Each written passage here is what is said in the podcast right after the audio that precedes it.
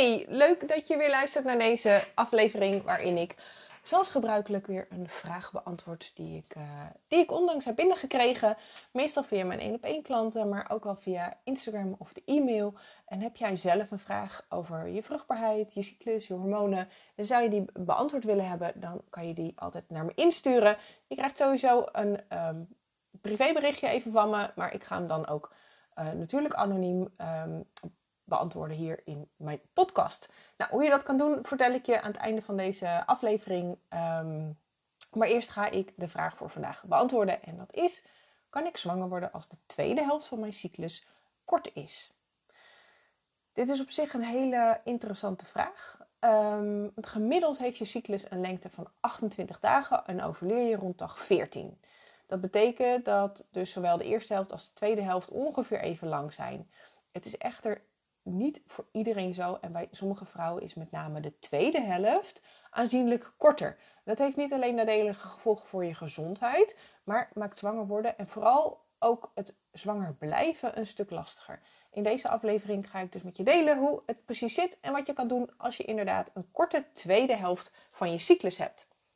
Nou, in werkelijkheid heeft maar een beperkt aantal vrouwen daadwerkelijk een cyclus van 28 dagen. En de meeste vrouwen zitten ergens tussen de 25 en de 35 dagen. Dat wordt ook wel gezien als normaal. Uh, en alles wat korter of langer is, uh, dat wordt dan, ja, daar, daar is wel iets aan de hand. Er is een teken uh, in ieder geval dat er iets niet helemaal gaat zoals het zou moeten gaan. De eerste helft van je cyclus, dat wordt de folliculaire fase genoemd. En deze fase die loopt van dag 1 van je menstruatie tot aan je ovulatie. En in deze fase ontwikkelt onder andere een eicel zich en wordt de baarmoederwand uh, voorbereid op dus een mogelijke zwangerschap, een mogelijke innesteling van die bevruchte eicel. De tweede helft van je cyclus is de luteale fase en die start na je ovulatie en loopt door tot aan je menstruatie. En in deze fase maakt de eicel dus de afdaling naar je baarmoeder vanuit je eierstokken. En dan vindt er als die bevrucht is ook een innesteling plaats. Sommige vrouwen hebben dus een kortere luteale fase, oftewel tweede helft van hun cyclus. En dat betekent dat de tijd tussen je ijsprong en het begin van je eerstvolgende menstruatie dus korter is dan de gebruikelijke 12 tot 14 dagen een korte luteale fase kan de kans op een zwangerschap dus wel um, verminderen. Maar het betekent ook niet dat je helemaal niet zwanger zou kunnen worden. Het belangrijkste is dat er voldoende tijd is voor die bevruchte eicel om de reis naar je baarmoeder te maken en daarin te nestelen. En, meest, en hier is eigenlijk minimaal 10 dagen voor nodig. Is je tweede helft van je cyclus dus korter, of 10 dagen of korter, dan kan het dus zijn dat die eicel wel bevrucht wordt, maar dat de innesteling niet uh, ja, niet goed eh, kan zijn. En um, dat daardoor die, vroeg, die zwangerschap ook vroegtijdig wordt afgebroken. Er zijn verschillende factoren die de lengte van die tweede helft van je cyclus kunnen beïnvloeden. En de meest voor de hand liggende is een hormonale disbalans. Met name een verstoring in progesteron speelt hierin een belangrijke rol. Want progesteron wordt eigenlijk pas aangemaakt na je ovulatie. Dus uit het celblaasje, het follikel dat uh, zeg maar, tijdens je ovulatie eruit is gebarsten, dat wat er overblijft, dat vormt een tijdelijke klier waaruit progesteron wordt aangemaakt. Die klier wordt ook wel het corpus luteum genoemd. En um, ja, die klier produceert dus progesteron tot aan het einde van je cyclus. En dat zorgt er ook voor dat die baarmoederwand dus in stand wordt gehouden en dat die eicel zich kan innestelen. En heb je nou een, is die eicel nou misschien niet helemaal goed ontwikkeld, kwalitatief gezien dus niet helemaal optimaal, dan kan het er dus ook voor zorgen dat je minder progesteron aanmaakt. Maak je minder progesteron aan, dan zal uh, die tweede helft van je, uh, fase, van je cyclus dus ook verkort worden en word je eerder ongesteld omdat je lichaam dus niet in staat is om die baarmoederwand in stand te houden. Um, naast een verminderde uh, eicelkwaliteit kan ook een onregelmatige of een onvoorspelbare ovulatie, dus als, die, ja, als je eigenlijk niet weet wanneer die is, kan leiden tot een kortere luteale fase. Um, want als die ijsprong later in je cyclus plaatsvindt, is er dus ook logischerwijs minder tijd voor die bevruchte eicel om zich in de baarmoederwand te nestelen voordat je menstruatie begint. Nou, oestrogeen zorgt er in de eerste helft van je cyclus voor dat die eicel ehm, kan rijpen en dat hij zich dus kan ontwikkelen. Uh, en op het moment, dus vlak voor je uh, ovulatie, is er een piek in oestrogeen en in het luteiniserend hormoon LH. En uh, net na die piek, of die piek, die zorgt er eigenlijk voor dat je ook daadwerkelijk ovuleert. Ja, en als een van deze hormonen, dus oestrogeen of het LH, als die uh, ja, één of allebei niet helemaal goed aangemaakt of aangestuurd worden, dan kan dat dus een vertraagde ovulatie veroorzaken. of het, dus, en dat kan dus ook weer voor die verstoorde tweede helft zorgen.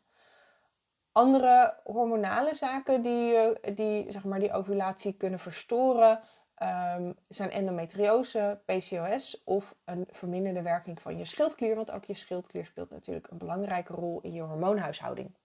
En die kunnen dus allemaal ook weer bijdragen aan een verkorte tweede helft van je cyclus. Nou, vaak is er dus een combinatie van factoren die ervoor zorgen dat die tweede helft van je cyclus korter is of dat je, dat je ovulatie onregelmatig is. Ehm, en zeker als het gaat om een hormonale disbalans, dan is er eigenlijk nooit maar één ding. En vaak is het dan een combinatie van verschillende dingen. En gelukkig kun je dus ook zelf een hele hoop doen om je hormonen en daarmee ook je cyclus en je ovulatie weer op de rit te krijgen.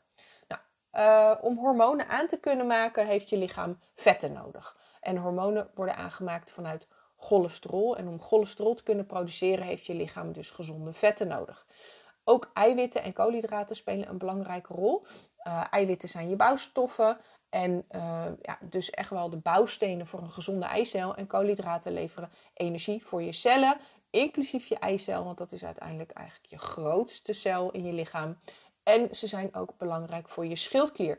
Dus um, zorg ervoor dat je een goed uh, ja, uitgebalanceerd voedingspatroon hebt met dus voldoende voedingsstoffen, zodat je lichaam die hormonen kan aanmaken en die gezonde eicel kan produceren. Um, een ander iets is als je lichaam veel stress ervaart, dan wordt er cortisol aangemaakt om met die stress om te kunnen gaan. En dat gaat ten koste van de productie van progesteron. En dat is dus juist dat hormoon dat in die tweede helft zo belangrijk is en dat ervoor zorgt dat die tweede helft uh, dus de juiste lengte ook heeft.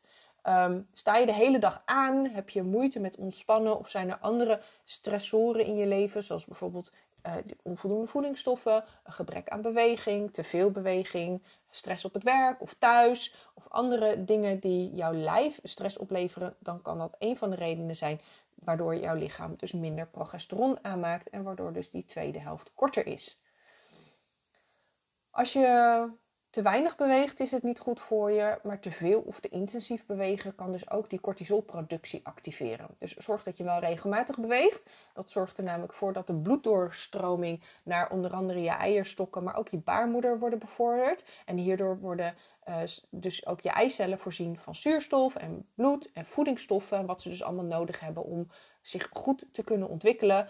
Uh, je baarmoeder wordt goed doorbloed en dat bevordert Um, ja, dus ook die kans uiteindelijk op uh, een bevruchting. En kies dan ook voor vormen van beweging die je leuk vindt, waar je plezier aan beleeft en wat je ook makkelijk regelmatig kan doen. Uh, het kan vrij low-key zijn, dingen zoals fietsen, wandelen, uh, maar denk ook aan zwemmen of dansen. ik vind zelf krachttraining vind ik echt eigenlijk essentieel voor vrouwen. Um, maar als je dat niet zo leuk vindt, er zijn ook andere vormen van krachttraining, waarbij je dus niet per se in de sportschool aan gewicht hoeft te tillen, maar bijvoorbeeld meer met lichaamsgewicht.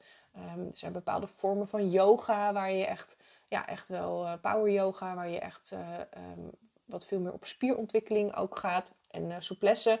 Dus er zijn altijd wel dingen die, die je kan doen. En onderschat ook niet de kracht van voldoende slaap.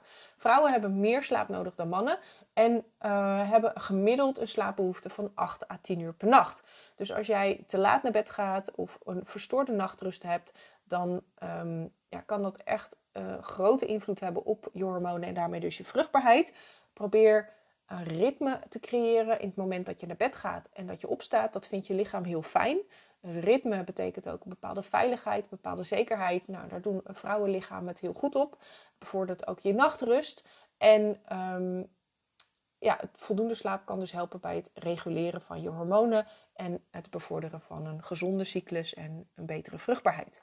Nou, dit is misschien niet uh, dit is misschien een beetje schot voor open doel, maar overmatig alcoholgebruik en ook cafeïnegebruik um, kan de hormonen verstoren en je vruchtbaarheid beïnvloeden. Met name alcohol um, heeft echt wel een negatief effect op je um, hormoonhuishouding en ook op je darmen. met name het oestrogeengehalte wordt hierdoor beïnvloed. Uh, cafeïne uh, kan bij sommige vrouwen ook echt voor problemen opleveren. Uh, zeker als je ochtends start met koffie en je bent gevoelig voor de cortisolproductie of je hebt al bepaalde stressoren in je lijf, dan kan die kop koffie in de ochtend op je nuchtere maag net de druppel zijn die de emmer doet overlopen. Dus um, probeer daarmee ook ja, verstandig om te gaan, laat ik het zo zeggen. Nou ja, zoals je ziet zijn er dus verschillende oorzaken die ervoor kunnen zorgen dat die tweede helft van je cyclus verkort wordt. Um, maar door verschillende leefstijlaanpassingen kun je hier dus echt wel zelf invloed op uitoefenen. Waardoor je de kans op een gezonde zwangerschap vergroot. En dus ook met, eh, dus of je de lengte van je cyclus weer kan verlengen of in ieder geval voor betere omstandigheden kan zorgen in die tweede helft van je cyclus. Nou, kun je hier nou wel wat hulp bij gebruiken of ben je benieuwd wat je kan doen uh, of wat je verder nog kan doen om je vruchtbaarheid te verbeteren? Weet dan dat je bij mij ook een vrijblijvende vruchtbaarheidscheck kunt inplannen.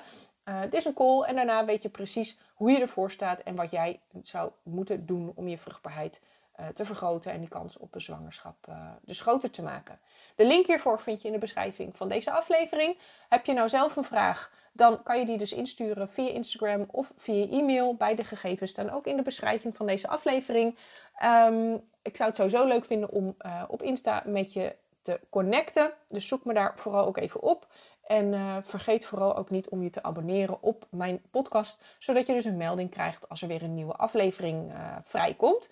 Um, dit kan je simpelweg doen door op volgen of op het belletje te klikken bovenaan de podcast. En um, ja, ik kijk er naar uit om, uh, om van je te horen, om je vraag te ontvangen. Maar ik hoop in ieder geval dat je er volgende aflevering ook weer bij bent. En um, ik zou zeggen, tot dan.